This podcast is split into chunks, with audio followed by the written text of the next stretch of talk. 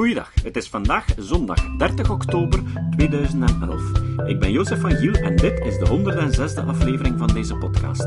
Deze aflevering kwam tot stand mede dankzij Riek de Laat. De muziek is van Dick Lucas. Vandaag bespreken we de valkuilen van het denken, deel 3. Enkele concrete illusies en drogredenen. De drogreden van de jury.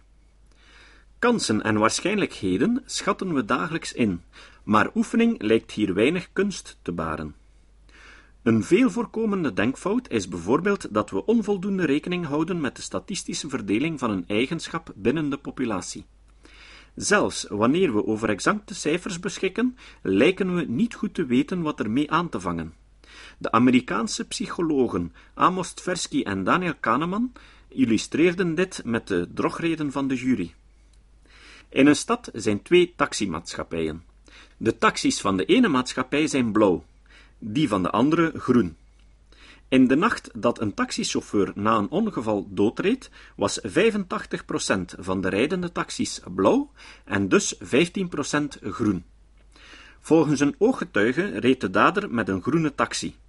Onderzoek wijst uit dat een getuige in gelijkaardige omstandigheden in 80% van de gevallen een groene van een blauwe taxi weet te onderscheiden, namelijk 20% van de blauwe voor groen en 20% van de groene voor blauw verward.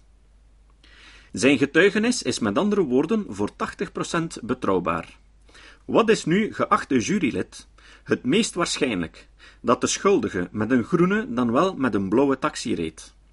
De spontane reactie van velen luidt dat de taxi wellicht groen was. Dat betekent dat ze de hoge betrouwbaarheid 80% van de getuigen sterker laten doorwegen dan het relatieve aantal blauwe taxis 85%. Een eenvoudige berekening toont nogthans aan dat het juiste antwoord blauw is. Als de getuige in die nacht 100 taxis heeft gezien, dan zijn daarvan naar verwachting 15 groen en 85 blauw.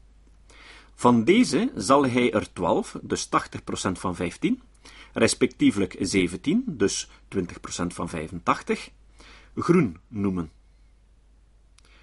Dus, van de 29 keer dat de getuige zegt het was een groene, zou het 17 maal een blauwe zijn geweest. De kans dat de taxi blauw was, gegeven het feit dat de getuige groen zegt, was 17 op 29. Dus 0,59 of 59 procent.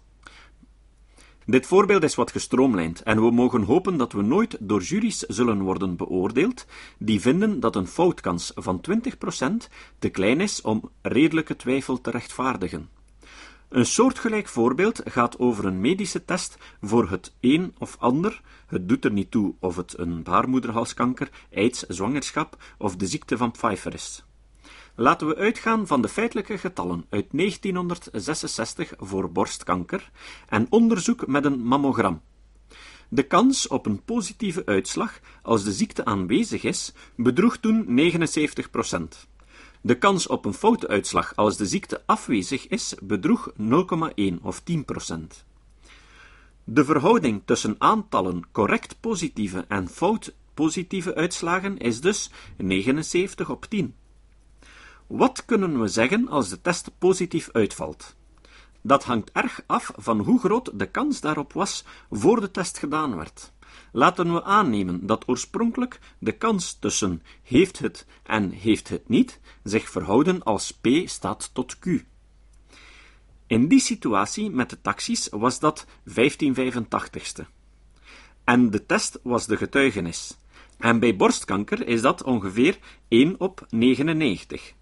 We kunnen nu uitrekenen wat gegeven een positieve testuitslag de nieuwe kans is. Er komt in het geval van borstkanker uit dat de nieuwe verhouding 79 maal P staat tot 10 maal Q. Dus 79 op 990, want dat is 79 tienden maal 1 op 99, of dat is 79 maal 1 gedeeld door 10 maal 99. Dus 79 990ste. Hetgeen met een kans van 7,4% overeenkomt. Als we dat uitrekenen. Als je echter om wat voor reden al van oordeel bent dat de kansen op wel of geen kanker zich verhouden als 1 op 1, dan maakt de testuitslag daar 79 tienden van. Zo'n gedachte zal bij borstkanker niet vlug opkomen.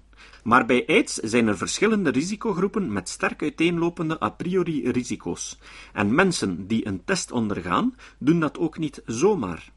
Dit geeft ook aan waar het probleem ligt bij de toepassing van deze kennis. Om de uitslag te beoordelen moet je weten hoe groot je risico was voor de test. En dat is heel vaak een intuïtieve inschatting die sterk door emoties vertekend kan zijn. Deze berekeningsmethode heet naar Thomas Bayes en wordt ook vaak in situaties toegepast waarin de kansen voor de test helemaal geen kansen zijn, maar geloven. In feite stelde Bayes voor om als je helemaal niets weet, de kansen van tevoren maar allemaal gelijk te veronderstellen. Dus in dit geval de kans op borstkanker op 0,5 te stellen. Je hebt het of je hebt het niet. De zojuist geschetste rekenregel werkt ook vlot voor het geval van de taxis. De kansverhouding groen staat tot blauw was 1585ste. De verhouding goed staat tot fout was 4 op 1. Dus na de getuigenis verhouden de kansen op groen en blauw zich als 60 op 85. De illusie van de historicus. Konden de verantwoordelijken op basis van de informatie waarover zij beschikten voorspellen wat er zou gebeuren? Het is een vraag die tegenwoordig verscheidene parlementaire onderzoekscommissies bezighoudt. Psychologen hebben zich afgevraagd hoe we dit soort vragen beantwoorden, en ook hier konden we onze intuïtie op voorhand betrappen. Historici worden er wel eens van beschuldigd gebeurtenissen uit het verleden als onvermijdelijk en dus voorspelbare ontwikkelingen te zien.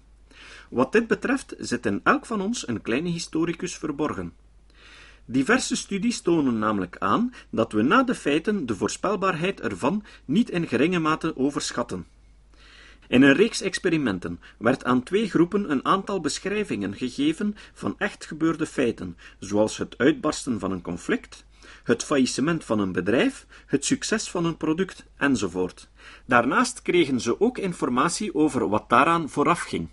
Maar er zat, zoals vaker in de psychologische experimenten, een addertje onder het gras. Ofschoon de beginfase voor beide groepen gelijk was, was de afloop verschillend. De tweede groep kreeg niet de ware eindsituatie, maar een fictieve, daaraan tegengestelde gebeurtenis. Toen aan de deelnemers werd gevraagd hoe voorspelbaar de eindsituatie was, kenden de beide groepen aan de hen gepresenteerde versie eenzelfde graad van voorspelbaarheid toe. Kortom, na de feiten klinkt het in koor: we hebben het de hele tijd geweten. In Vlaanderen hebben we dit onlangs meegemaakt. Naar aanleiding van het onderzoek naar Ronald Jansen is een hele discussie geweest over de fouten die gemaakt werden tijdens het onderzoek. Als je nu de feiten achteraf bekijkt, lijkt het onwaarschijnlijk dat de politie het spoor van deze verdachte niet is blijven volgen. Tijdens het onderzoeken naar Marc Dutroux zijn de speurders nog in het huis geweest om controles uit te voeren. Ze zijn zelfs in de kelder geweest, en toch zijn ze niet op de gevangen meisjes gestoten. Als je het aaneenhangend verhaal achteraf hoort, lijkt het allemaal zeer voor de hand liggend en is het bijna onmogelijk om niet te denken dat de politie mee in complot zat. Het is bijna onmogelijk om in de schoenen van de speurders zelf te gaan staan en te begrijpen waarom het niet anders verlopen is. Achteraf lijkt het ook zo onwaarschijnlijk dat de Amerikaanse autoriteiten niets gedaan hebben tegen de aanslagen van 11 september 2011. Maar dit kan misschien helpen. Heb je ook nooit een verbeterd examen teruggekregen en dat je zelf niet begrijpt hoe het mogelijk is dat je tijdens het examen de juiste oplossing niet gelezen had? Daarom dat het ook in het professionele leven beter is om je bij de vaststelling van een fout af te vragen hoe je het kan rechtzetten, in plaats van je af te vragen wie de schuldige is. De onverbeterlijke Hamlet. Dat het Hamlet-personage in ons nooit ver weg is, bleek toen studenten in de volgende fictieve situatie een keuze moesten maken.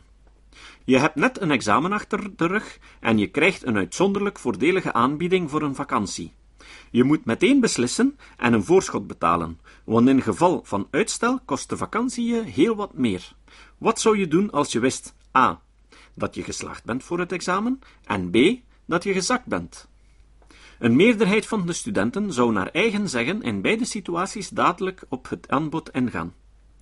Maar van die meerderheid beweerden de meesten ook dat ze de beslissing zouden uitstellen als ze nog niet wisten of ze nu wel of niet geslaagd waren. Intuïtief klinkt dit aannemelijk, maar in wezen is het een contradictie van formaat. Er zijn maar twee situaties mogelijk: geslaagd of gezakt. En in elk van beiden nemen de studenten hetzelfde besluit. Maar als ze nog niet weten welke van beide zich zal voordoen, houden ze het voorlopig voor bekeken. Ook al beseffen ze dat die vakantie dan een stuk meer gaat kosten. Psychologen hebben het kind een naam gegeven: irrationele voorzichtigheid. De hersenkraker van Monty Hall. Een nominatie voor de meest verwarrende hersenkraker verdient wellicht de paradox van Monty Hall. Een vraagstukje dat in 1990-1991 de Amerikaanse media in beroering bracht en naar de presentator van een televisieshow werd genoemd die mensen een auto of een geit aanbood. Een eerdere versie ervan, het dilemma van de drie gevangenen, werd al in 1959 geformuleerd door Martin Gardner, bekend om zijn wiskundige puzzels in Scientific American. De gemakkelijkst te aanschouwen variant van deze hersenpijniger is eigenlijk een spel, en het gaat als volgt. Er zijn drie identieke doosjes, elk voorzien van een deksel. In één ervan heb ik geld gestopt, en je mag raden in welk doosje het geld zit. Als je juist raadt, win je het geld. Bij Gardner ging het niet om het geld, maar om een executiebevel. Bijzonder nu aan het spel is dat het zich in twee fasen afspeelt. Eerste fase. Je maakt een eerste keuze. Het gekozen doosje blijft voorlopig gesloten. Ik open echter één van de twee andere doosjes, namelijk een doosje waarvan ik weet dat het leeg is. Als je een leeg doosje hebt gekozen, kies ik het resterende doosje. Als je een vol doosje hebt gekozen, blijven er twee lege doosjes over, waarvan ik er één, om het even welk, openmaak. Zo zijn we in de tweede fase beland. Er blijven twee gesloten doosjes over en je mag opnieuw een, dit keer definitieve keuze maken. Ofwel blijf je bij je eerste keuze, ofwel kies je het andere doosje. De hamvraag is nu: welke strategie kun je het beste volgen in de tweede fase? Bij je eerste keuze blijven of het andere doosje kiezen? Of maakt het helemaal niet uit welk doosje je kiest? Met andere woorden, hoe liggen de kansen op winst in het geval dat je bij je eerste keuze blijft? En welke kansen heb je in het geval dat je voor het andere doosje kiest? De antwoorden lopen nogal uiteen, ofschoon de meeste mensen geloven dat het om het even is welk van beide doosjes je kiest. Want, zo redeneren ze, je hebt maar twee keuzemogelijkheden, en dus bedraagt de kans in beide gevallen 50%. Velen zullen dan ook verrast zijn te horen dat je voor het andere doosje moet opteren, want dan heb je twee derde kans op winnen. Als je bij je eerste keuze blijft daarentegen, heb je maar een derde kans. De verklaring hiervoor is eenvoudig. Elk van de drie doosjes had aanvankelijk een derde kans om het geld te bevatten. Het doosje dat je in de eerste fase kiest, heeft dus een derde kans. De andere twee doosjes hebben samen twee derde kans. De situatie verandert niet doordat ik een doosje openmaak waarvan ik weet dat het leeg is en jij weet dat ik het weet. Als ik op goed geluk, bijvoorbeeld door een munt op te gooien, een doosje had opengemaakt dat toevallig leeg bleek, is het antwoord wel 50%. Maar dat is een totaal ander spel. Evenals de situatie dat ik na jouw keuze mag besluiten je geen tweede kans te geven. De twee doosjes, een open en een dicht, hebben nog eens samen een kans van twee derden om het geld te bevatten. En dat is dan ook de kans dat het geld in het dichte doosje zit. Voor sommige mensen klinkt de uitleg mysterieus. Een andere manier om de zaken te bekijken is als volgt. De persoon die moet raden, zal in de eerste fase in één van de drie gevallen het juiste doosje hebben aangeduid. In twee van de drie gevallen zal hij een verkeerde keuze hebben gemaakt. Ook hier is het weer wezenlijk van belang te begrijpen dat het openen van het lege doosje geen enkele informatie verstrekt die de kans verandert dat in de eerste fase het gelddoosje is aangewezen. Als ik geen doosje zou openen en ik hem zou toestaan de inhoud van die beide andere doosjes samen te nemen, zou dat op hetzelfde neerkomen. Bijgevolg zal de strategie keuze veranderen in twee van de drie gevallen succes hebben. De ongelovigen onder u raden we aan het spel herhaalde keren in werkelijkheid te spelen.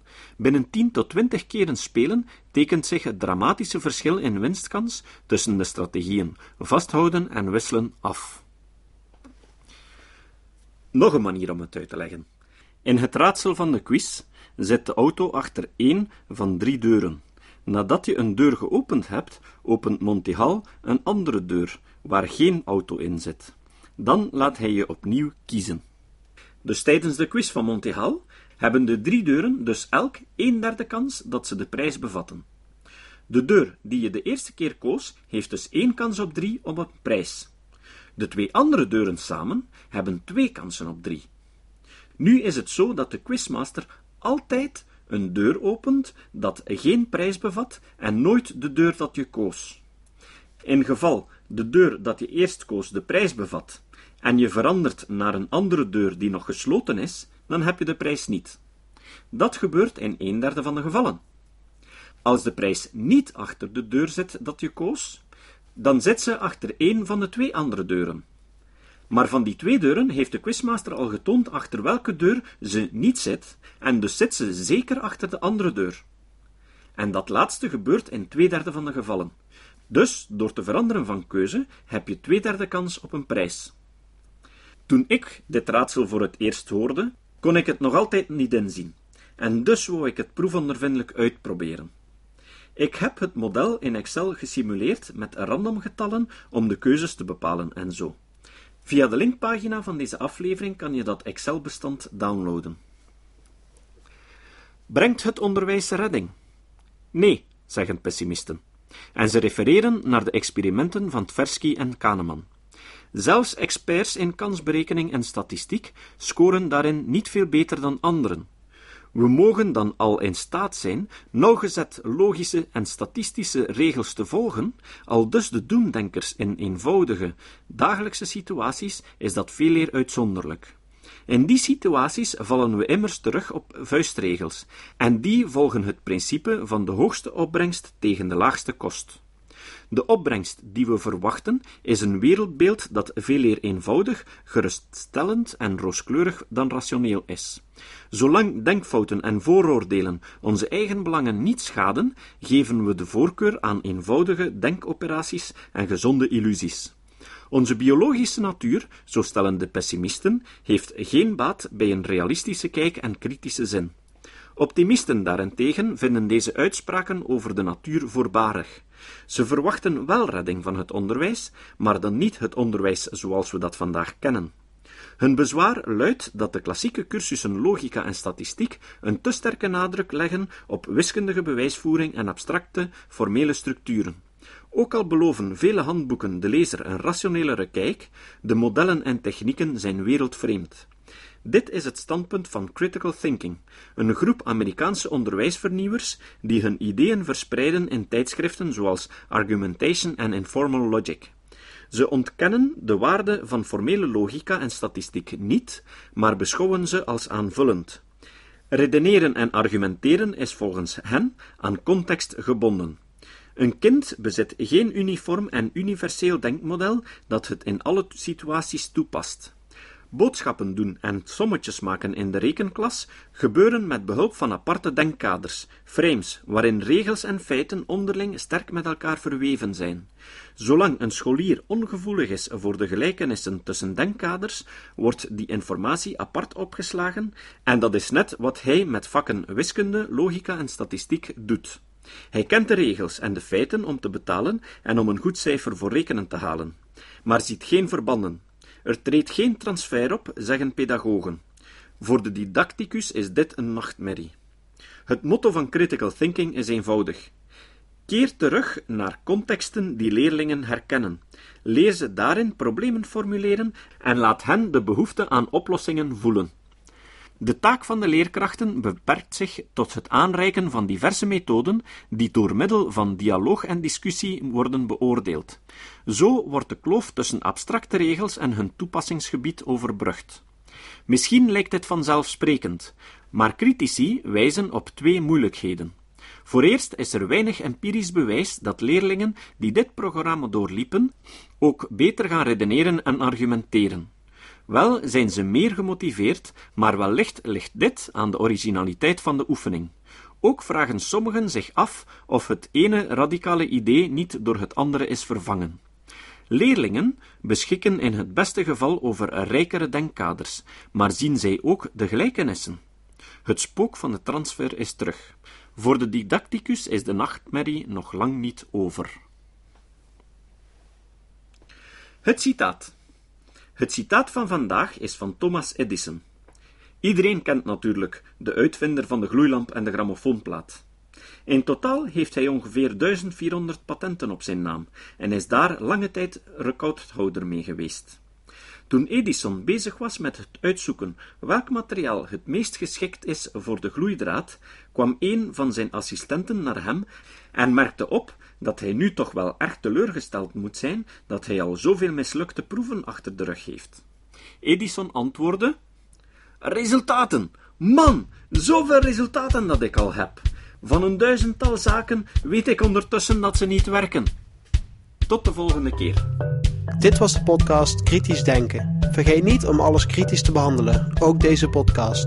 Voor verdere informatie over deze podcast, links en voor de tekst, surf naar www.kritischdenken.info.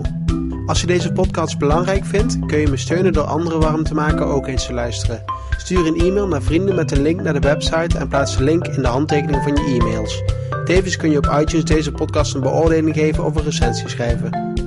Of je kan op je eigen website of blog een link naar kritisch denken plaatsen.